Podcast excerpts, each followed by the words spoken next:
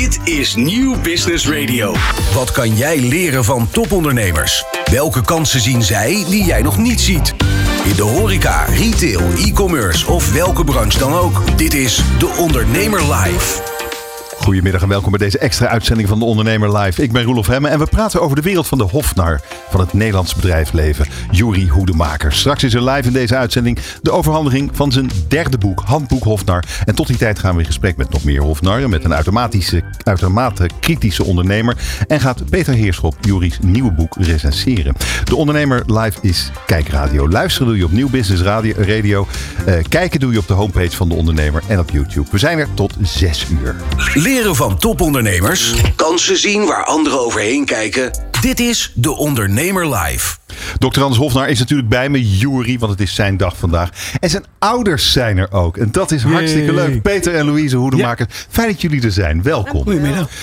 En wat is hij voor zoon, Louise?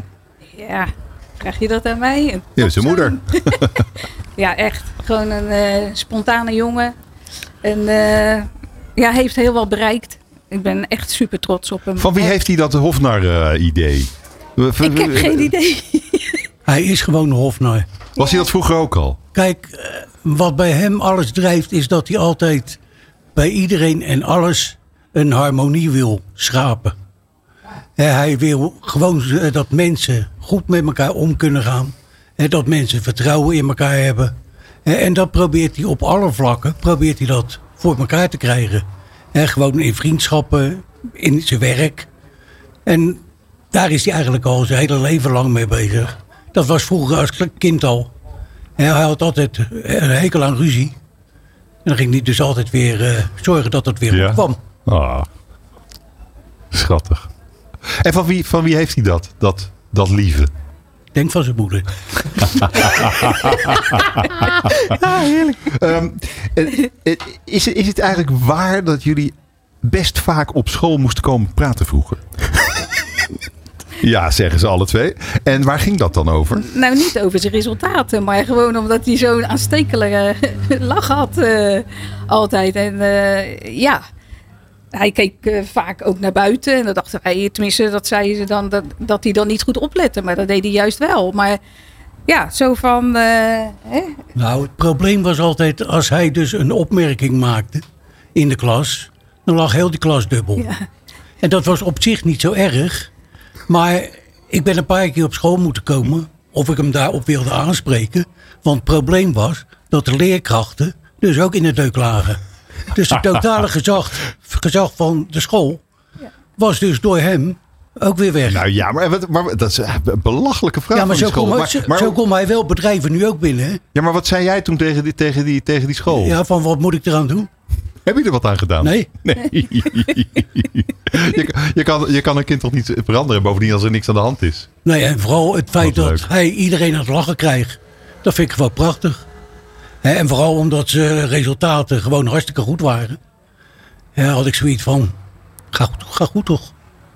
En wat, vind jij, wat vond jij van zijn eerste stappen op het eh, pad van Hofnar? De eerste keren dat hij, eh, nou ja, dat hij, hij kwam natuurlijk in de publiciteit op een gegeven moment. Volgens mij was, was hij toen nog piepjong. Wat vond je daarvan? Hoe keek je naar je zoon die daar voor zo'n camera stond te vertellen? Nou, eigenlijk wel heel positief. En het leuke was, daar kon je hem ook gelijk door wat bijsturen. Omdat hij in het begin probeerde hij een beetje een ander na te doen. Terwijl zijn kracht is juist jezelf zijn. Wie wou die nadoen? Ja, andere mensen die op televisie komen en zo. Dat vond hij dan wat interessant. Maar wat zag jij aan hem dan? Nou, gewoon een, een eh, wat eh, gespannen gezicht. Een taalgebruik wat niet bij hem hoorde. Hè, dan hebben ze zoiets van, joh, ga nou gewoon praten. Dan gaat het veel beter bij Blijf je. jezelf, ja. Ik praatte met een aardbol in mijn keel. dat staat mij niet, hè? Nee. Nee, zeker niet. Nee, nou, dat kreeg ik toen ook te horen van mijn vader, ja. Louise, wat, zou- wat zou jij over je zoon willen vertellen, willen delen met ons? Oeh, mag ik dit stukje dan voorlezen? Oh, je hebt iets voorbereid. Nou ja, het is... Ja, Oh, goed. Ja, ga tenminste, je ik heb een gang. spiekbriefje. Ja, nee, ga je gang. Ik hoop dat het goed uitkomt. Daar gaat hij. Nou, lieve gasten en luisteraars, eh, goedemiddag. Misschien wel eens leuk om te vertellen. Ik ben Louise Oedemakers, de moeder van. En toen Jeroen je zusje kreeg, ging hij op school te slapen. De zogeheten stille kamer. Maar er moest wel een naambordje komen naast je deur.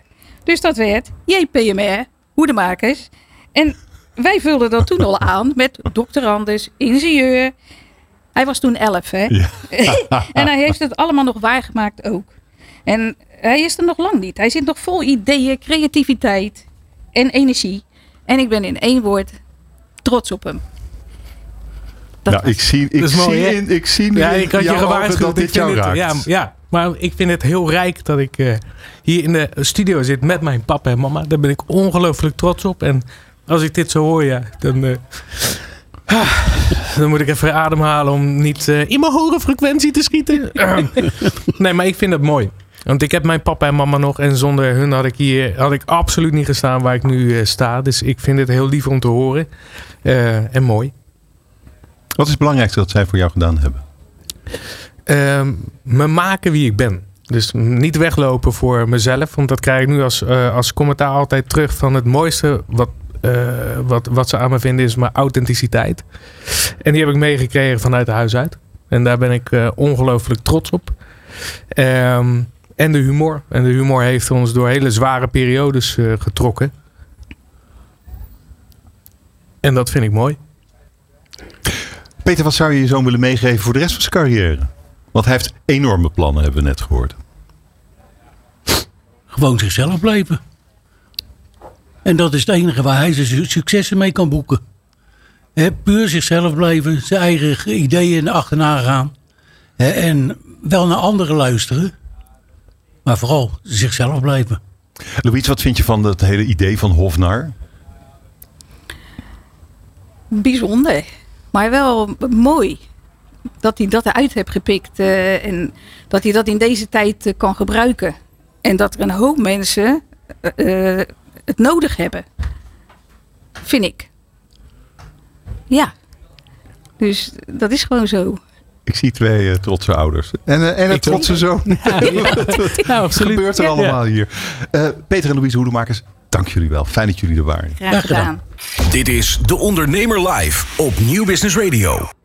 Jori, we zitten de hele tijd veren in je kont te steken. Daar gaan we nu mee stoppen. Heel goed, heel goed. Er is zojuist een ondernemer binnengekomen die twijfelt aan het nut van het fenomeen Hofnar. Tom van der Lubbe, hij is medeoprichter van Visie Hypotheken. Welkom, fijn dat je er bent. Ja, dankjewel dat voor de uitnodiging. Uh, jullie zijn een snelgroeiende onderneming. Voor het vierde jaar op rij uitgeroepen tot Best Workplace. Jullie doen iets goed, denk ik dan. Wat bijvoorbeeld? Ik denk dat de mensen heel tevreden zijn. Dus wat dat betreft is het wel grappig dat Bas van der Veld het voorwoord heeft geschreven in het boekje van Jury. Mhm. Omdat wij natuurlijk een veel kleinere organisatie zijn, maar in diezelfde ranking is aanvast bij de grote ondernemingen nummer 1 al een aantal keren geweest en wij zijn dat bij de kleine bedrijven. Maar wat is het geheim? Iets meer. Dus klanten zijn tevreden? Oké. Okay. nee, nee, de medewerkers. ja, nee, maar klanten ook. Jullie ja, scoren krankzinnig hoog in alle kla ja, de, klanten, maar de klanten, dat de klanten tevreden zijn is het gevolg van het feit dat de mensen tevreden ja, ja. zijn. Dus dat is het geheim. Ja, heel, heel klassiek denk ik. Wat de, meeste MKB-bedrijven eigenlijk allemaal zo doen. En daar kom je zonder Hofnar. En jij bent volgens mij ook niet zo gecharmeerd van het idee Hofnar. Uh, nou, ik denk dat je dat, dat moet, uh, moet nuanceren. Dus ik vind het idee Hofnar fantastisch. Uh, moet ik meteen bijzeggen dat ik historicus ben qua opleiding. Dus ik heb meteen natuurlijk een enorme affiniteit met het idee Hofnar. Alleen de discussie die Juri en ik in het verleden hebben gehad is... In welke, voor welke organisatie is de, is de bijdrage van een Hofnar, uh, ik zal maar zeggen, maximaal? En, en daar heb ik gezegd, oké, als je een verticale, hiërarchische, aandeelhouders uh, georiënteerde onderneming hebt... dan is de waarde van de Hofnar waarschijnlijk het allerhoogste. Dus verticaal hiërarchisch. En wij zijn zeer horizontaal georganiseerd, waar leiderschap uh, gerouleerd wordt, waar je geen CEO hebt, waar je eigenlijk door de CEO een hele grote streep doorheen haalt.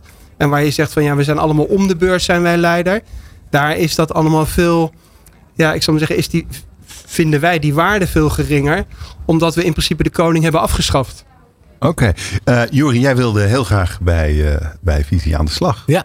Uh, waarom heeft hij ongelijk met wat hij net allemaal verteld heeft volgens jou?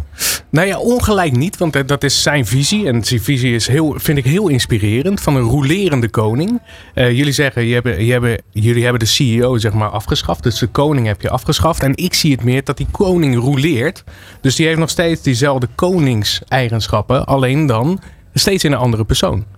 Weet je, dus die, die functie, als jij de leider bent, dus dat je die leiderschapsrol op je neemt, die neemt met zich mee dat jij op het, dat moment ja, die leiderschapsrol hebt. Dus dat is de rolerende koning. Dus wat ontzegt, um, wat, wat ontzegt hij zichzelf dan eigenlijk door jou buiten te houden? Nou, ik weet niet of hij zich iets ontzegt. Want ik nou ja, hm? jij wilde daar aan de slag. Nou, ik ben meer benieuwd van uh, hoe uh, jij dan, of hoe jullie dan de belangeloze waarheid terugkrijgen, bijvoorbeeld. Um, en ja, ja hoe, hoe, hoe hoor je dat dan zonder belangen als je die functie roleert? Um, nou, als je uitzoomt, dan om misschien ook even op dat, op de, op die, dat Hofnar-principe nog in te gaan. Hofnar is, komt uit de tijd van het absolutisme, waar de koning alle macht heeft. En ik heb in het verleden wel eens tegen Jori gezegd: als je het nou vergelijkt met de ontwikkeling van de geschiedenis, dan heb je na, de, na het absolutisme van, van de monarchie krijg je een parlementaire democratie waar gekozen wordt en waar om de zoveel tijd iemand anders een leidinggevende rol heeft. We zouden dus bijvoorbeeld kunnen zeggen, je bent in Amerika maximaal twee jaar, ben je of twee, twee ambtsperiodes ben je president. Dus je probeert zoveel mogelijk vanuit de institutionele dingen probeer je oplossingen te creëren. Dus als je bijvoorbeeld zegt van ja, hoe kun je nou bijvoorbeeld een, een omgeving creëren waar mensen alles durven te zeggen. Wat een beetje bekend is onder het idee psychologische veiligheid. Hè, voor de kenners Amy Edmondson. Uh, is ook vaak al in Nederland te gast geweest. Dan zeggen wij bijvoorbeeld van oké, dan moet je dus zorgen dat die leidinggevende rol niet zo groot gemaakt wordt. Uh, dat je geen, manage, geen managercultuur uh, krijgt. Hè? Dat, dat hele idee dat, dat mensen dan ernaar streven om over andere mensen te vertellen wat ze moeten doen. En wij werken bijvoorbeeld met vaste salarissen, geen bonussen, et cetera. Dus wij proberen in de organisatiestructuur proberen wij allerlei mechanismen te verankeren.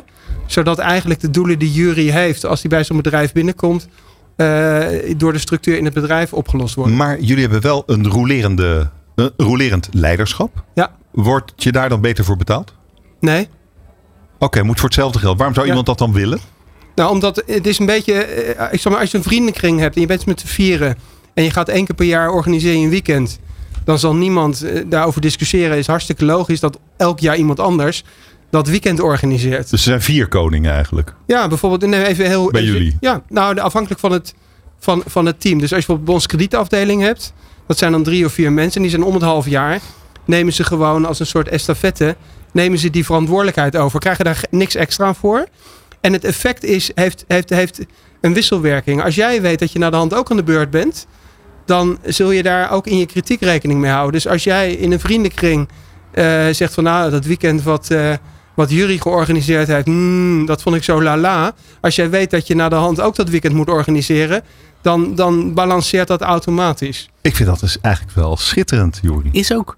Het, het is ook heel maar mooi. Wat, wat denk jij dan dat je kunt toevoegen? Nou, ik zou wel eens willen weten hoe, uh, hoe men dat bij jullie ervaart. Dus ik vind de visie, visie hey, mm. vind ik heel goed. Alleen ik ben heel benieuwd hoe men, dus de collega's, dat ervaren. En, en waar je tegenaan loopt bij zo'n aanpak. Want ik heb, dit herken ik en ik ben groot voorstander maar van. waar zou je tegenaan kunnen lopen? Wat, is, wat nou, is de downside van dit op het eerste gezicht briljante model? Wat ik denk, wat ik ook al op een van de andere opdrachtgevers uh, of opdrachten mee heb gemaakt, is dat dit heel goed is voor eigenaarschap. Maar dat je altijd uh, groepen mensen hebt, hebt die graag leiden. En je hebt een groep die graag geleid wordt. Het is net als dansen, weet je wel. Ah, je hebt is, iemand dit die waar, leidt. is dit waar, Tom? Nou, dat, dat interessante is dat het op het eerste gezicht is dat waar. Omdat Mhm. mensen ertoe neigen dan te zeggen van... Ja, dat is niks voor mij. Alleen als je bijvoorbeeld met z'n vieren bent... en je bent dan op een gegeven moment aan de beurt... en de rest zegt van... Probeer het maar gewoon, Juri. Maak je maar geen zorgen. En die rol wordt niet te groot en niet te belangrijk gemaakt. Dan komen er een hele hoop mensen achter... dat eigenlijk iedereen die leidinggevende rol... of die coördinerende rol... makkelijk voor een bepaalde tijd uh, gewoon kan, kan hebben. Ja, dus wij is- zeggen in principe no CEO. Ja. Everybody is a leader. En in die team functioneert het hartstikke goed. En dit is geniaal, want daarmee creëer je wel een veilige omgeving waar iedereen dus ook die feedback kan aannemen. Dus ik vind de aanpak heel tof. Maar ja, Alleen ik ben dan heel erg benieuwd van waar lopen jullie dan tegenaan in de aanpak? En weet je waar je tegenaan loopt? dat laatste is een belangrijke vraag. Ja, wij weten in principe wel waar we tegenaan lopen. Dus waar je altijd mee te maken hebt, is enerzijds die vraag die, die, die we net beantwoord hebben. Dat bijvoorbeeld mensen die extrovert zijn, die zullen eerder hun hand opsteken en zeggen van laat mij maar die coördinerende rol doen. En als je dat bijvoorbeeld weet, dan, dan moet je een cultuur creëren waar mensen die introvert zijn, in principe zeggen van nou ik doe dat ook wel voor een bepaalde tijd. Tweede thema is impliciete hiërarchie. Dus hoe langer mensen in de organisatie zijn, of bijvoorbeeld eigenaar zijn, ik ben mede aandeelhouder, des te meer moet je er bewust van zijn dat het voor iemand die 20 jaar jonger is, best wel moeilijk is om dan te zeggen van hé, hey, uh, ga ik daar wat van vinden? Maar daar heb je dus een hofnaar voor nodig. Ja, maar daarom, daarom zeg ik dat het is ja. niet zo dat, ja. dat je hebt in elk model wat je opbouwt, zul je altijd met, met je blinde vlekken, om even dat voorbeeld te noemen, zul je rekening houden. Als je al weet wat je blinde vlekken bijvoorbeeld zijn, dan ben je bijvoorbeeld alweer natuurlijk een, een, een, een stap verder. Alleen ik denk dat het grote voordeel is, en dat is de discussie die we in het verleden ook hebben gehad. Ik ben ervoor de monarchie af te schaffen en de parlementaire democratie in te voeren. Ja. En ik vind de afhankelijkheid, uh, wat dat betreft vind ik AVAS ook een goed voorbeeld. Uh, ik zou heel erg bang zijn als CEO of als eigenaar als ik onder een bus loop, wat gebeurt er dan met het bedrijf? Dus ik vind de afhankelijkheid van mij als persoon. Ik heb de eerste tien jaar ben ik CEO geweest. Ik vind dat de afhankelijkheid van het bedrijf, van mij als persoon, vind ik niet in het belang van het bedrijf. Nou, en dit vind ik dus geniaal. Dus jij vroeg me net naar de toekomstplannen. Dit zou ik een hele toffe opdracht vinden. Omdat je dit, hier kan je een soort best practice mee maken. Jullie zijn al een stap verder dan organisaties waar ik nu rondloop. Dit zou al een hele verbetering kunnen zijn. Is dit eigenlijk het ideale model om een bedrijf te runnen, zou je zeggen? Nee, ik denk het nog nee. niet. Maar ik denk dat ik samen met Tom wel met zo'n hof naar interventie kan kijken. Waar kan je bijschaven en hoe kunnen we dit als best practice neerzetten voor andere organisaties. Ja, waarom laat je niet een tijdje rondkijken? Kijken wat er gebeurt. Ja, je moet er maar gewoon weer eens afspreken. Maar het interessante is, het is helemaal niet innovatief. Hè? Dus ik zou maar wat, zeggen, de wat Griekse, jullie doen. Ja. de Nou, Griekse polis, Athene, 2500 jaar oud, had ook rotatie. Eh, of de Zwitserse regering, daar is elk jaar is iemand anders leidt de regering. Dus een, de hele oude ideeën, primus inter pares heet dat, dat is rotatie van leiderschap. Nu leven we uiteindelijk weer in het absolutisme en, en hebben enorm ontzag voor hele sterke, het liefst witte mannen die heel erg autocratisch zijn. Of het nou Elon Musk is, of Jeff Bezos, of Bill Gates, et cetera. Historisch gezien weten we eigenlijk dat je zoveel mogelijk macht moet beperken. Omdat als mensen lang aan de macht zijn, uiteindelijk allemaal gekke dingen gaan doen. En dat staat weer in het voorwoord van Bas van der Veld. In dit mooie boekje wat ik vanmorgen gelezen heb. Wat we over niet al te lange tijd gaan eh, presenteren. Eh, ik denk dat jullie over niet al te lange tijd een kopje koffie gaan drinken samen. Ja, wij drinken heel dat graag denk ik. Dat is hartstikke leuk. En misschien leidt het wel tot iets. Tom van der Lubbe, dank je zeer. Fijn dat je hier was. Dank je wel. Graag gedaan. Leren van topondernemers. Kansen zien waar anderen overheen kijken. Dit is De Ondernemer Live. Jori, er is iemand die iets tegen je wil zeggen. Guido Weijers. Oh, Hallo, Guido Weijers hier. En ik weet dat jullie je afvragen waarom moet juist jij nou iets gaan zeggen over de Hofnarrengilde. Veel mensen weten natuurlijk niet dat wij elkaar al heel lang kennen. Via bekende mensen, via artiesten hebben wij ooit contact gekregen. En ik kan inmiddels wel zeggen dat er een ontzettend hechte vriendschap is ontstaan. En vandaar dat ik graag vandaag iets persoonlijks wil vertellen tegen Ju- Juri Hoedemanmakers. Een hofnar houdt mensen een spiegel voor. Een spiegel waarin onvolkomenheden misschien soms net iets meer opvallen dan normaal. En de hofnar doet het dan bij de koning. Hij mag de koning de waarheid vertellen met humor als instrument. Niet alleen de koning heeft een hofnar nodig, hè? Veel ijdele mensen zoals eh, CEO's, directeuren, politici, mensen die succesvol zijn, mensen die leiding geven, die zijn waarschijnlijk succesvol omdat ze heel vaak gelijk hebben gehad. Maar daardoor hebben ze steeds minder mensen om zich heen die nee knikken. Ze zijn omringd door ja-knikkers en ja, ze verliezen een beetje de feeling met wat er nou echt speelt. En daarvoor is de hofnar. Het is de taak van de hofnar om dit soort mensen op korte termijn een eerlijk inzicht te geven, zodat dingen op lange termijn beter gaan. Want ja, uiteindelijk is toch het doel zoveel mogelijk mensen op een langere termijn gelukkiger maken. Maar ja, wat is dat dan precies, hè? Geluk. Zo zegt bijvoorbeeld Cheng Zhu, die zegt geluk is de afwezigheid van het streven naar geluk. En zo zegt Boeddha, joh, er is helemaal geen weg naar geluk. Geluk is de weg. En was het Shakespeare niet die zei, een ons geluk is meer dan een pond goud.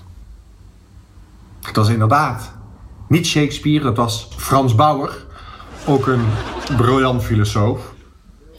Maar Jury, over geluk gaan we het een andere keer hebben.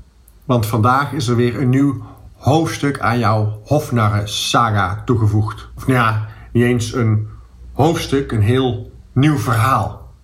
En ik wens vooral jou en iedereen om je heen en iedereen waarmee je werkt voor nu heel veel geluk.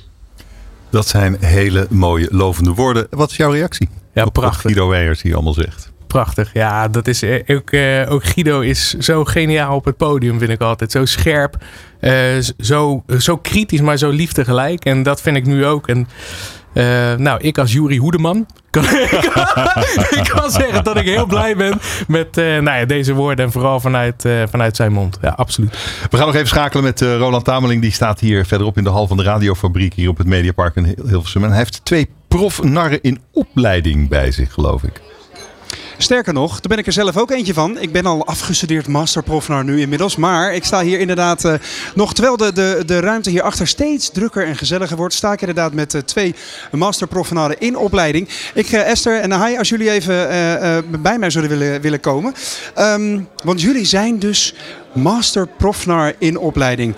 Ten eerste, Esther, ehm, waarom? Ja, ik heb de gekuiste versie en het werkelijke verhaal. Wij willen het werkelijke verhaal. Vooruit. Ik was eh 15 jaar lang eh, heb ik geprobeerd om eh, non te worden bij de nonnen in Vught, het bekende taleninstituut. En na 15 jaar kwam ik erachter dat er toch iets te veel nar in mij zit. En dat paste niet helemaal meer. Dus toen heb ik besloten om uit te treden en profnar te worden. Wat een wending van een levenspad zeg. En, en, en wat is dan wat je wel vindt in het narrenschap en niet in het nonnenschap? Nou, in het narrenschap eh, denk ik dat wat ik heel graag doe, dat is het onzichtbare zichtbaar maken. En dan een steen in het water gooien of een knop, knuppel in het hoenderhok, hoe je het wil noemen. Een beetje reuring creëren en dan zorgen dat iedereen goed gaat nadenken. En dat dan uiteindelijk er iets mooiers uitkomt voor alles en iedereen. Nou heb ik zelf dat, eh, dat traject tot eh, Master Profnar ook meegemaakt. Ik vond het verrassend intensief, mag je wel stellen. Eh, de, zeker de eerste paar dagen word je met een groep aspirant hofnarren of profnarren eigenlijk in het diepe gegooid. En mag je jezelf en elkaar gaan leren uitkristalliseren, zeg maar. Esther, hoe heb jij dat beleefd? Heftig, Ja? Vertel. confronterend. Ja, ik realiseer me dat je als hofnar eigenlijk je eigen instrument bent. Dus je moet jezelf heel goed leren kennen. En dat is, eh, ik ben nu 58. Ik heb toch wel wat dingen gezien en gehoord over mezelf. En denk van, oh ja, dan kan ik wel nog wel wat mee doen. Noem eens iets dan. Even als je zelf toch je spiegel nu naar de buitenwereld mag draaien. Laten zien wie ik ben. Ja. Wie ben je dan? Ik ben eigenlijk, eigenlijk heel ondeugend, maar dat laat ik niet zo heel erg zien. Maar dat komt wel. Op zich een hele goede eigenschap. Hè? Als eh, een van de eigenschappen die een hofnar zou mogen hebben. Uh, Hai Verkoelen, dan eh, ga ik even, even bij jou verder. Want jij, eh, jij bent ook in het huidige eh, gezelschap aan eh, aspirant profnarren in opleiding. Eh, maar jij hebt een, eh, een, een, een geschiedenis in de politiek, begreep ik onder andere.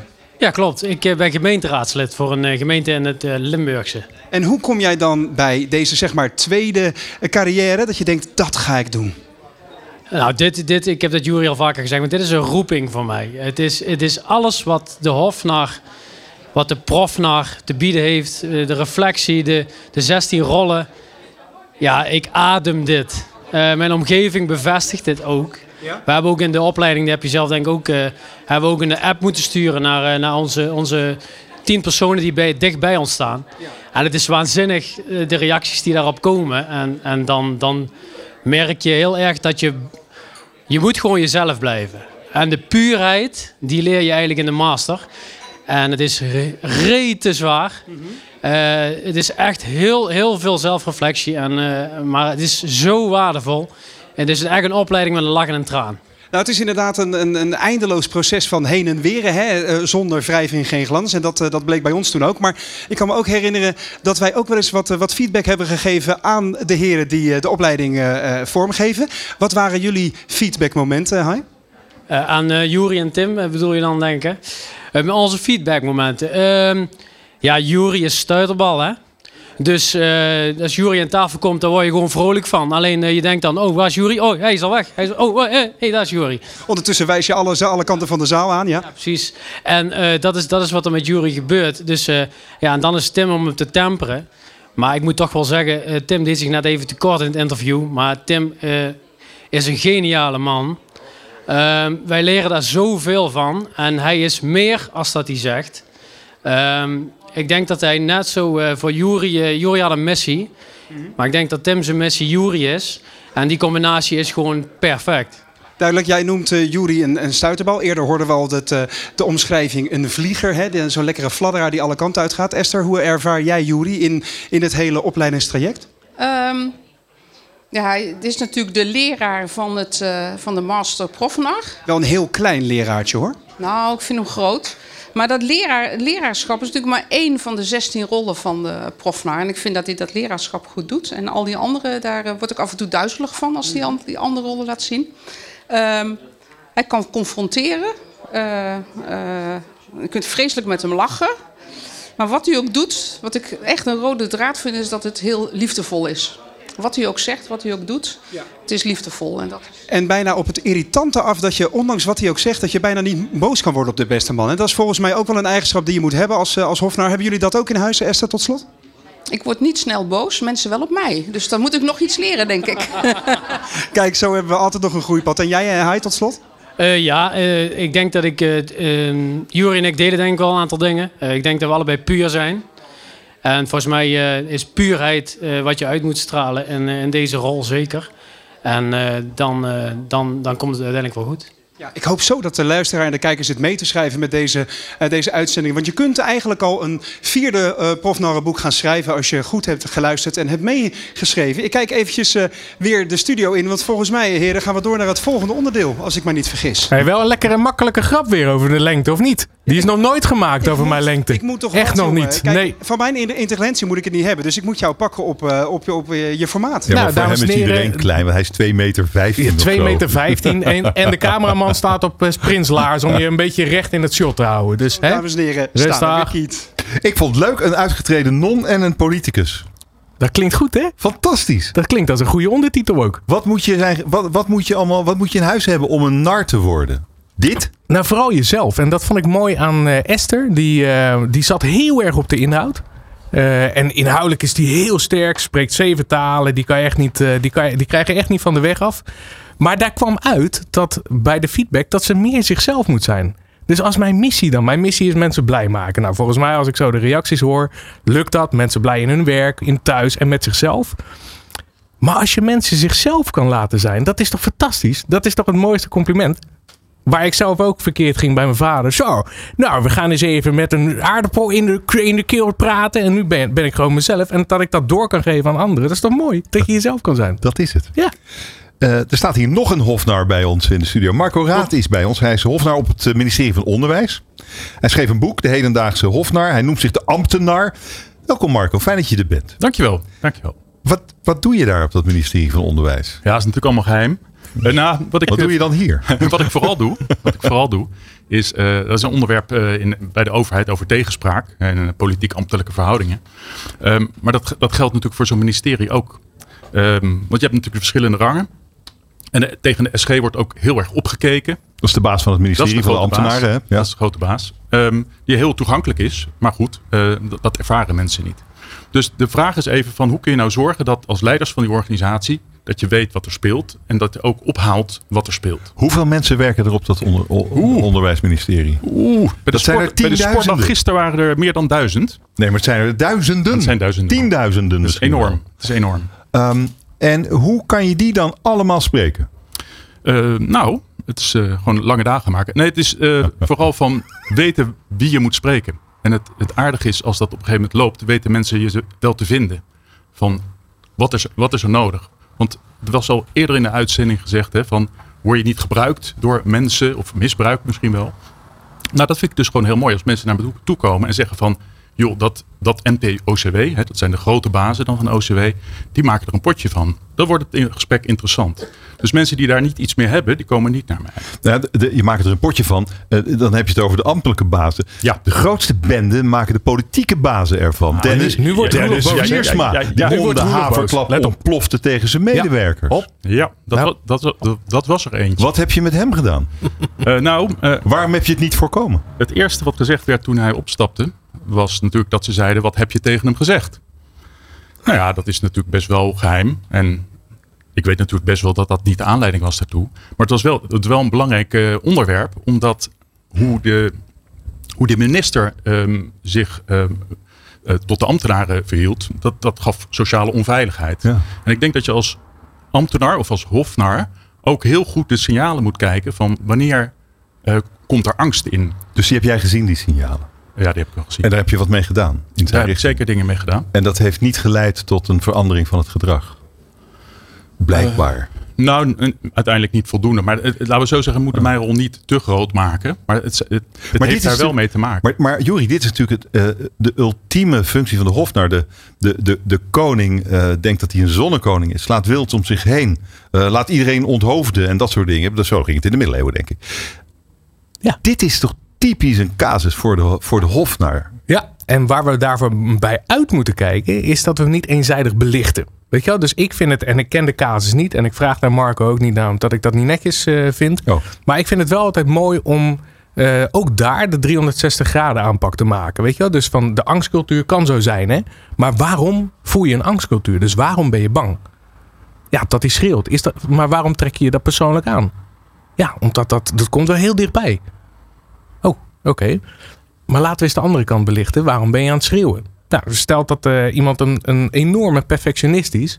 eh, en die wil, omwille Hmm. van de zaak, wil die alles gewoon tot in de puntjes geregeld hebben. En die zegt, nou kom- kom op jongens, even, even focus nu. Als ik je moet helpen, moet je het zeggen. Maar ik wil dit eindpunt bereiken. En eh, we moeten nu even scherp zijn, want dit moet staan. Ja, mijn Dan indruk is ik- dat dat aan de hand was daar. nou ja, maar ik kan me dit voor. Ik weet het niet. Hè. Ik ken de casus niet. Maar wat ik daarmee wil zeggen is dat je bij. En vooral bij angstculturen vind ik altijd dat je hem 360 graden moet belichten. Dus vanuit de medewerkers, vanuit de schreeuwert in dit geval. Want die schreeuwert heeft ook een waarom schreeuw je. Eh, en eh, van de andere kant. Dus echt die 360 graden orbit vind Ja. ik echt belangrijk. En dat, Ja. dat is precies wat. Hij zegt precies goed, hè? Hij is natuurlijk de sterk verbeterde versie van mezelf. Eh, ja, dat, dat, dat, dat is zo. En dan ga ik niet over je lengte hebben. Ehm, Nou ja, maar, maar het, het, hofnar. het 360 graden, zoals jij 360 graden noemt. Ik, ik, ik kijk systemisch, dat is even een mooi woord neerzetten. Maar hoe, hoe, doe je, hoe doe je het als systeem met elkaar? Belicht je alle kanten? Want in, in dit geval, hè, waar we het net over, over Mhm. hadden, wordt heel snel het oordeel gelegd van, oh, die doet het niet goed. Of die doet het wel goed. Mhm. Eh, en voor je het weet heb je een soort polarisatie en wordt het alleen maar erger. Ehm, dus, dus wat voor, van belang is, hoe krijg je dat met elkaar gewoon weer netjes in verband? En ik, ik zie dat ook als een rol die ik heb. Zou je denken dat bij de overheid, want dat is jouw specialisme toch? Dat er bij de overheid misschien, ehm, misschien nog wel meer behoefte is aan mensen zoals jullie dan in het bedrijfsleven. Waar het toch wel om wat helderder dingen gaat. Je kunt aan het eind van het jaar zien wat je verdiend hebt en, en dat soort dingen. En, eh, Ja. is, is dat een verschil of zie je dat? Nou, er zit wel een verschil op de onderwerpen waar je op zit, maar het heeft nog steeds vaak te maken met leiderschap en niet weten wat op de werkvloer speelt. En dat is in eh, commerciële organisaties waar ik ook eh, gewerkt heb, heb ik ook mijn opdrachtgevers, kan dat precies hetzelfde zijn. Dus het is, dat is moeilijk eh, om dat te vergelijken. De overheid maakt wel een aantal dingen wat ingewikkelder, omdat ja, als je het allemaal kunt relateren aan winst, dan is het vaak wat makkelijker. Dus Ja. managers bij de overheid wordt vaak gekeken van nou, dat, is, oh, dat zijn managers bij de overheid. Maar ik denk dat dat een moeilijker vak is. Omdat je daarmee rekening te houden hebt. Dus voor mij is het ja, bij de overheid vrij veel opdrachten inderdaad. Maar dat niet per se. Ehm, jij bent ook de voorzitter van het Narrengenootschap. Oeh, dat is wel heel geheim. Eh, ja, nou, er is een narrengenootschap. En ehm, ik begon in 2008 met, eh, met, met uw hofnar. En toen waren het ook wel een paar mensen die erover meedachten. Maar wat, wat gebeurt er nu? Dan komt zo'n zo'n jury komt de, de, de ether ingeslingerd. En die geeft zoveel energie dat binnen de kortste keren we daar ergens op eh, duistere terrassen zitten met een, met een groep of... Nee, ik mag niet zeggen hoeveel hè? Nee. Nee, maar het zijn mannen en, en vrouwen. Dat is heel, Keurig. heel netjes. Divers. Ehm, ik denk dat Jury erin zit en ikzelf. Maar verder kunnen we gewoon niks over En een zeggen. vrouw, dus we zijn op drie. Ja, nou ja, oké. het is de puzzel. Kijk eens graag. Ehm, Keurig. Dit is een journalist, hè? Ja, maar wat wel heel belangrijk nu. is, dat, want, wat, Maar jullie zijn eigenlijk concurrenten van elkaar. Nee, nee, nee. Wij inspireren elkaar. Helemaal niet. Dat is leuk, hè? De, de markt, de markt is enorm. Ehm, en het aardige van zo'n genootschap is, is dat je gewoon dingen aan elkaar kunt vragen. Van hoe doe jij dat? En in dat genootschap zitten de eh, uitvoerende eh, narren. Or, organisatienar, oh, heb ik dat prijs. Ja, ach, ach Ehm, dit is te veel. Maar Dat ook mensen geheim. die erover meedenken. Eh, die, die daar een, een, een visie hebben op hoe je bijvoorbeeld tegenspraak moet doen. Oh, weer een, iemand die ik weggeef. Dus Ehm, maar maar, maar het, het helpt Vier echt, want het of is, een, ja. het is een lonely job. En uiteindelijk wil je niet in die kerker, wil je dat, dat, uiteindelijk wil je toch met elkaar daarover nadenken. Maar dit is toch geweldig? Dit is toch ook voor iedereen die nu in het zaken, de zakenwereld bezig is. Je kan je concurrenten wegduwen. Dat is heel saai, hè? Dat is de oude. Maar wij denken van waarom niet verbinden? En inderdaad inspireren. Dan word je geen concurrent, dan ben je een inspiratiebron. Dat maakt de wereld toch mooi, hè? Marco zei iets, eh, iets wat eh, bij me resoneert, namelijk het is een lonely job. Een hofnar zijn. Wat, wat, wat is er eenzaam aan? Je bent Nou, de, eenzaamheid, de eenzaamheid zit er ook in. Je krijgt allerlei hele vertrouwelijke dingen. Het, het, ehm, het is wonderbaarlijk hoe snel dat gebeurt. En daar moet je gewoon goed mee omgaan. Dat betekent dat je daar niet te veel over kunt vertellen. Eh, zeker niet aan iemand die daar werkt. Maar het voordeel van zo'n genootschap is... wij kunnen af en toe met naam en toenaam dingen doen... omdat het blijft altijd in het narrengenootschap. En dat heb je nodig. Want ik gaat- kan, ik kan dat niet met mijn buurman of met mijn vrouw... Ik, ja, Nee? ja eh, maar dat doe ik bij jou. Ja. En dan zegt hij weer- weer iets wat natuurlijk nergens op slaat. Maar dan kan iemand anders kan er overheen toepen. En het, en het leuke is, we zijn niet met elkaar bezig. Wie is de leukste van het genootschap? Nou, dat vind ik wel. Ja, dit is een wedstrijd Want er is er maar één. altijd. Er is er nee, maar één. nee, ik ben altijd stil. Jullie Maar dat gaan- ben jij niet. oh, oh. Nee, ik ben nooit de leukste. Ga geen naam noemen. Nee. Ik denk dat die bijeenkomsten best leuk zijn met, Ja, eh, met, met z'n zessen, als ik goed gerekend Nou, heb. Eh, eh, Oké. Marco Raad, dankjewel. Dank je zeer.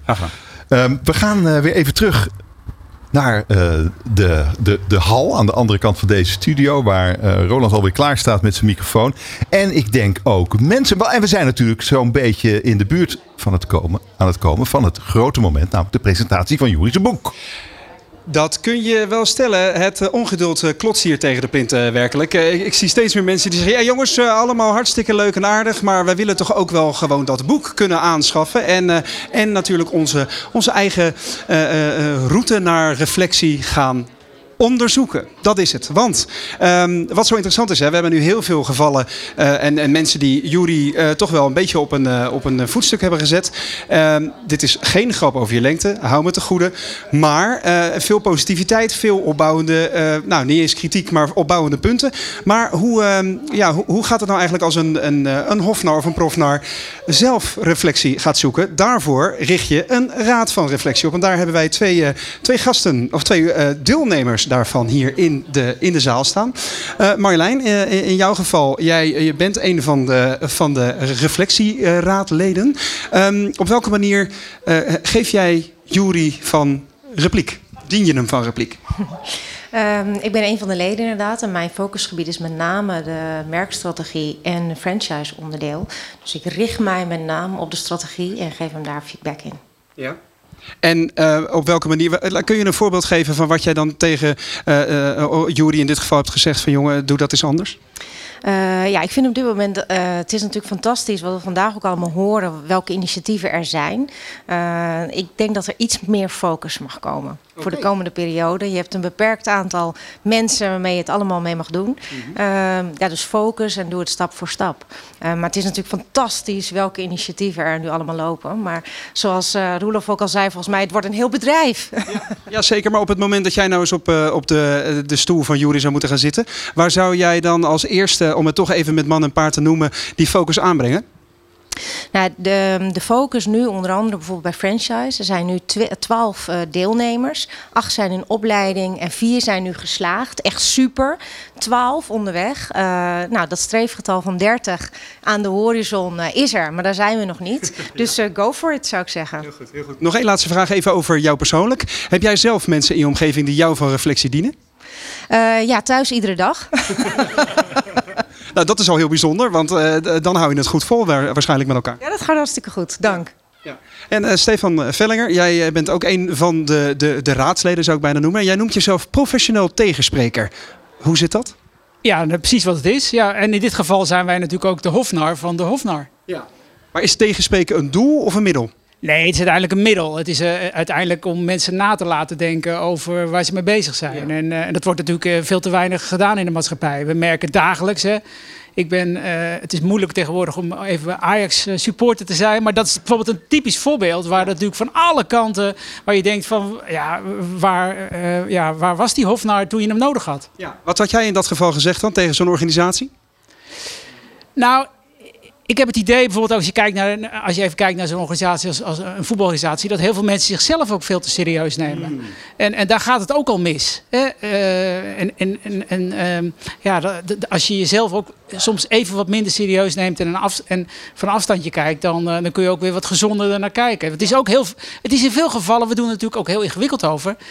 Maar uh, ik, ik had een grootmoeder die was ondernemer. Het is ook voor gedeelte je gezonde boerenverstand gebruiken. Juist. Nou, als er één iemand is die, die niet vis is van een, een gezond potje zelfspot, is het in principe Jurie Hoedemakers wel. Zo ken ik hem tenminste. Maar zijn er dan toch nog punten waarvan je zegt, Marjolein zegt net focus, nou jongen, focus. Wat is jouw, um, jouw meest gehoorde, uh, nou, laten we zeggen, opbouwende punt richting Jurie? Nou, wat ik nu, wat ik zelf ook nog niet helemaal over uit ben, is, uh, je ziet natuurlijk in, in, in, onze cultuur is de hofnaar, dat wordt gauw met een lach gedaan en een grapje. Hè, dat zie je ook in interviews. Als je het over de hofnaar gaat hebben, dan, dan denken mensen al meteen aan de Efteling. Ja. En aan de andere kant, Jury is ook iemand die ook heel vrolijk is en die kan dat ook, uh, ja, die kan dat ook met, met, een, met een vrolijkheid brengen. Maar uh, die vrolijkheid, die kan je ook wel eens in de weg zitten. Want, want ja, dan, dan, dan, dat zag je vorige week bij een interview in de media waarvan ik denk van nou, dan, dan gaat een journalist, die, die, die, die, die doet er ook een beetje lacherig over. Terwijl ik denk dan, journalisten zijn ook een voorbeeld van hofnarren in onze cultuur. Ja, dus eigenlijk zeg je uh, focus aanbrengen, zeggen jullie samen focus aanbrengen. En jezelf niet te serieus nemen, maar ook niet te veel de loorbroek uithangen. Zeg ik het zo goed? Ja, dat is uh, goed gezegd. Nou, heb ik ook wat bijgedragen vandaag. Juri, uh, dit was hem in ieder geval voor dit moment uit de zaal. En de mensen kruipen steeds verder hier richting de desk waar jouw boek al klaar ligt. Om vanavond natuurlijk in één druk uitgelezen te worden. Leuke man, die Tameling. Of staat hij al aan nu? wij komen, steeds, wij komen steeds dichter bij de presentatie van je boek. En jij wordt steeds opgewondener. Ja. Ja, ik vind het ja, maar zo lief wat er allemaal gezegd wordt. Dan kan je toch gewoon niet anders dan. Ik, sta, ik heb gewoon soms trillende wang omdat ik alleen maar met een glimlach sta al twee uur. Dat is niet goed. Er zijn een paar mensen die het boek gelezen hebben. Ja? Peter Heerschop is daar geen van. uh, maar hij heeft het wel gerecenseerd. Ja. Luister naar Peter Heerschop. Uh, hallo, ik ben uh, Peter Heerschop en mijn spreekbeurt gaat over Dr. Anders Hofnaar. Jury Hoedemakers, Dr. Anders Hofnar. Hij coacht bedrijven, hij schrijft boeken als Dr. Anders Hofnar. Is een mooie titel. Vooral het tweede deel ervan. Kijk, Dr. Anders, dat is een wetenschappelijke titel, vaak bereikt met het schrijven van een eindscriptie, waarvan je zelf na tien jaar eigenlijk niks meer begrijpt. Met woorden die je eigenlijk ook nooit meer gebruikt. Over een specialistisch onderwerp dat verder weinig verraadt van hoe jij zelf in de wereld staat, van hoe jij met anderen omgaat en altijd jezelf daarin meeneemt. Jezelf, maar wie ben je dan zelf? Zoals Coat en B ooit al zongen: zoek jezelf, broeder, vind jezelf, wees en blijf altijd jezelf. Maar dat was satire. Het was een sublieme parodie op alle therapieën door zelfbedoemde levenscoaches. Die waren opeens heel veel coaches. Vroeger ging je dingen gewoon bespreken met je beste vriend, vriendin, broer, zus, vader, moeder, prettige collega. Maar mensen die dat op een gegeven moment zelf niet meer deden, gingen zich coach noemen. Op elke verjaardag waar ik kom zijn er altijd wel een paar. Blije blik, sombere onderlaag. De titel coach, die zegt dus niet zoveel. De titel nar wel en hoofdnar is daarin de hoogste onderscheiding. Wat doet een nar? Een nar schept twijfel als iedereen het zeker weet. Hij geeft vertrouwen als mensen denken niet te weten. Eh, hij doet het tegendeel. In tijden van ellende is hij mild, in tijden van voorspoed is hij hard, maar altijd met humor, altijd met een spiegel, een lachspiegel. Hij maakt wat dik is dun en wat dun is dik. Hij zaait twijfel en geeft vertrouwen, breekt schijnbaar af, maar schept daarmee vrijheid. Hij vraagt net zo lang tot de ander begrijpt dat het van tevoren bedachte antwoord niet bij die vraag hoort. Weten jullie wie bijvoorbeeld jarenlang de onbenoemde hofbar was? Johan Cruijff. Hij was officieel coach, maar in zijn beschrijving van een goede coach blijkt heel duidelijk dat hij eigenlijk de Hofnaar bedoelde. Ik vroeg namelijk ooit aan Johan Cruijff wat volgens hem een goede coach was. Johan zei: Ten eerste is een goede coach een goed mens, want een slecht mens kan nooit een goede coach worden. Ten tweede, een goede coach is iemand waar het team trots op is. Met een goede coach heb je misschien af en toe behoorlijke ruzie gehad, maar je spreekt er uiteindelijk vol liefde over. Ten derde, elke fout die je maakt, kun je uitleggen als jouw beste bedoeling en je daarmee gelijk weer vertrouwen geven. Ten vierde, met een goede coach heb je vaak genoeg verloren, maar in je herinnering heb je hoe dan ook altijd gewonnen. En tenslotte, zei Johan, als je zijn naam hoort, dan moet je lachen bij de zinnen en de situaties die in je opkomen. Hoor je? Dat is toch een behoorlijk goede omschrijving van de narspersoon. Anderen hebben daar twee hele boeken voor nodig om te schrijven, maar dat zijn ook vaak mensen die doctoranders voor hun naam zetten. Nog even verder met wat uitspraken van Johan. Ik noem er een paar. Deze. Er zijn veel mensen die kunnen zeggen dat een voetbalploeg slecht speelt. Er zijn weinig mensen die kunnen zeggen waarom ze slecht speelt. En er zijn slechts een paar mensen die kunnen zeggen wat er moet gebeuren om ze beter te laten spelen. En die laatste paar mensen die weten heel goed dat zij zelf niet precies hoeven te weten, maar dat degene die het moeten uitvoeren de vrijheid zien binnen de gegeven oplossing. Ja, het is een hele tekst, maar het is geniaal. Het is net zoveel totale onzin als geniale wetenschap. En, en dat is nou precies wat de nar doet. Zoals Johan ook zei, als ik wilde dat jij het begreep, dan had ik het wel beter uitgelegd. Of, ik heb moeite met fouten maken, want voor ik hem maak, maak ik hem niet.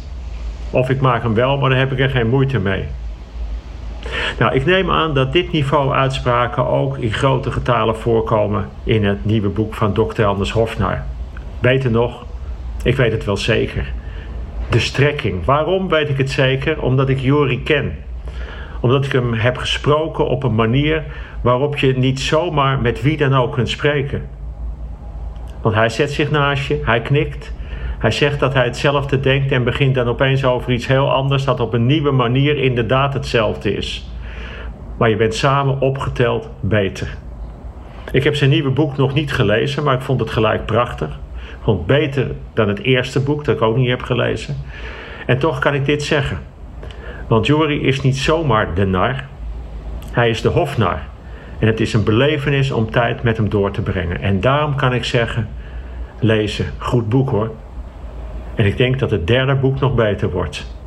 In ieder geval anders. Peter Heerschop zegt dit over jou. Hij vergelijkt je met Johan Cruijff, de Ja, grote ik- Johan Cruijff. Ja, ik, ik weet gewoon niet wat ik moet zeggen. Nee, dit is echt mooi. Dit is toch gestoord? Vind je het niet gestoord? Ik vind het prachtig. Ja, ja ik ook. Je maakt het blijkbaar los bij mensen. Is me al een paar keer opgevallen. Wij gaan naar de presentatie van jouw boek. Leuk hè? Het derde boek, Handboek Hofnar, staat op het punt het levenslicht te zien. Eh, en wij gaan zo direct eh, naar de hal waar dat gaat gebeuren. En waar Roland nu het eh, stokje overneemt. Ja, en als er één iemand te groot is en te misplaatst op dit moment, lieve vrienden en vriendinnen, ben ik het wel. Dus ik ga even mijn hofnarrenbroek aantrekken. En ik ga Juri Hoedemakers uit de studio trekken. Want, Juri, kleine grote vriend, doe even je jasje aan. Doe even je dasje goed.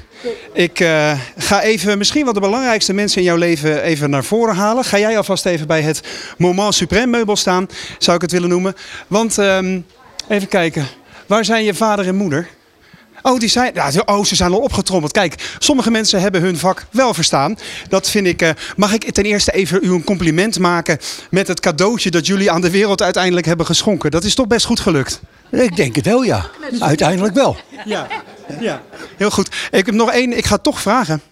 Ik ben heel gemeen, ik weet het, maar jij bent eh, natuurlijk eh, de, de, de levenspartner van Juri. Ik kom even een stukje naar beneden. Ehm, ik weet, je hebt me gevraagd, ga me nou niks stellen, geen vragen stellen Roland, alsjeblieft. Maar een eh, hofnar is soms ook nodig om te ontregelen. Hoe is Juri thuis? Druk. Heb jij zijn boeken gelezen? Ja. Heel goed. En ehm, eh, eh, luistert hij ook naar jou als jij reflectie geeft? Zeker. Ja.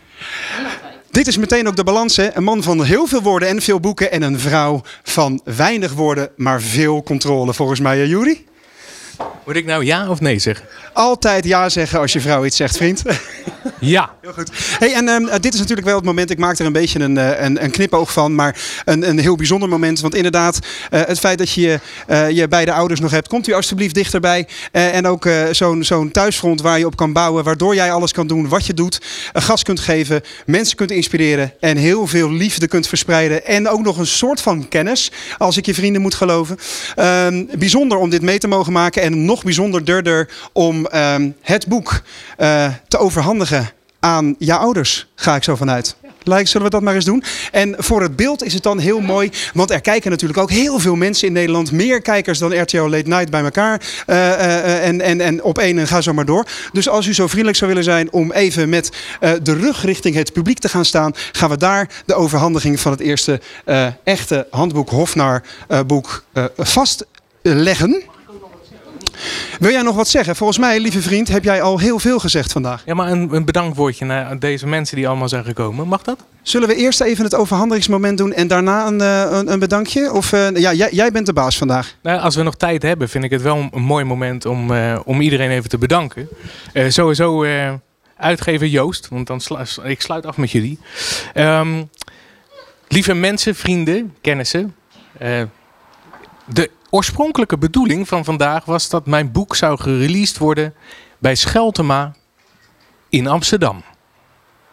Nou hoef ik velen van jullie niet uit te leggen dat dat gewoon. Ik ga liever gewoon dood dan dat ik gewoon in Amsterdam ga releasen als Rotterdammer. Dus sorry voor de Amsterdamse aanwezigen. Uh, dus daarom hebben we voor deze locatie gekozen. Sorry daarvoor. Uh, en het leuke is vandaag, ik heb zoveel lieve complimentjes van jullie gehad. Maar er is één bottom line. En dat is dat ik het niet alleen kan. En in ieder die hier staat, dat vind ik echt. En nou moet ik het weer droog houden, want dan krijg ik weer die stomme stemverandering als mijn emotie hoog gaat zitten. Uh, in ieder van jullie die hier staan, uh, samen met jullie hebben we dit gedaan. Dus het gaat niet om mij, het gaat om de beweging. Het gaat wat we samen hebben neergezet. En zonder jullie, niet doen mam, uh, kan ik het gewoon niet. Um, en dat vond ik ook, ik ga gewoon niet naar je kijken. Um, dat vond ik mooi. Dus het grootste compliment wat ik vandaag heb gehoord is dat authenticiteit. Heel vaak willen we ons ontwikkelen in uh, allerlei managementtrainingen om maar dingen bij te leren. Maar volgens mij komt er vandaag juist uit dat we juist terug moeten keren naar de kern. En dat is die authenticiteit. En dat humor, hè, want ik heb gehoord van, uh, uh, van de opdrachtgevers dat niemand staat in eerste instantie te springen. Oh, we gaan een hof naar aannemen. Dus ze zijn allemaal heel kritisch. En dat vind ik alleen maar fijn, want daarna zijn de testimonials wel goed. En daar mag best een beetje humor bij zitten. Dat hoeft niet allemaal serieus. En dat humor, dat heb ik meegekregen van mijn ouders. Dat heeft ook geholpen, wat ik net zei in het stukje bij mijn ouders, om door moeilijke processen heen te komen. En ik weet niet of dat met elkaar simultaan loopt, maar in mijn eerste boek hadden wij thuis een, een bijzonder moeilijke situatie met mijn moeder. Met de borstkanker die ze overwonnen heb, heeft. Sorry voor mijn Rotterdams. En alsof de duivel ermee speelde tijdens dit boek, um, was het um, mijn vader die een uh, hartoperatie heeft ondergaan. En dan kom je er ook achter dat je het niet alleen kan. Dan kom je erachter dat er hele lieve mensen op deze wereld zijn die je helpen met uh, het, het schrijven van je boek. Um, en die humor die ons er doorheen trekt. Dus ik moest bij moeder hebben we van heel die chemobehandeling gewoon een feestje gemaakt. Omdat ik zei, mam, we gaan iets geks doen. We bestellen heel die kaart van de lunch die we hier kan. We kruisen alles aan. Dus mijn moeder zat in de chemostoel. Wij hebben heel de menukaart aangekruist. En die kwamen ze met drie man kwamen ze brengen. We, hebben, we hebben daarom gegierd. Bij mijn vader, die kwam uit zijn operatie met zijn hart. En die zag allemaal roze olifanten. En toen hebben we alle soorten drugs besproken die er maar bestaan. Uh, in, uh, in het ziekenhuis. En dat vind ik mooi. Um, dus dat humor je door ziektes kan heen trekken, dat is een feit. Dat humor je sterker maakt als familie, is een feit. En ik denk als, dat, als humor je door ziektes kan heen trekken, dan moet dat toch zeker lukken bij organisaties. En daar heb ik mijn boek over geschreven. Dus dat wilde ik nog bedanken. Dank jullie wel. Ja, en het is eh, heel duidelijk dat daardoor het eh, applaus eh, door de radiofabriek schalt hier in Hilversum. Terwijl Juri Hoedemakers zijn, zijn derde boek overhandigt aan zijn lieve moeder. Inderdaad, die steun en toeverlaat is. Het thuisfront sterk en daardoor sterk in het leven. En met humor en met een traan en een lach. En liefde ook voor eh vrouwlief.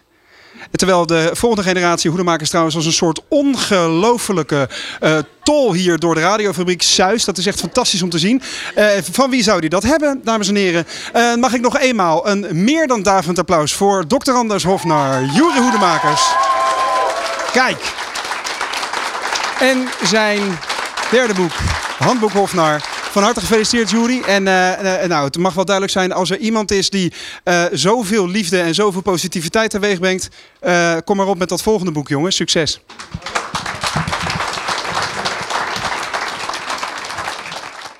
Dit is De Ondernemer Live op Nieuw Business Radio.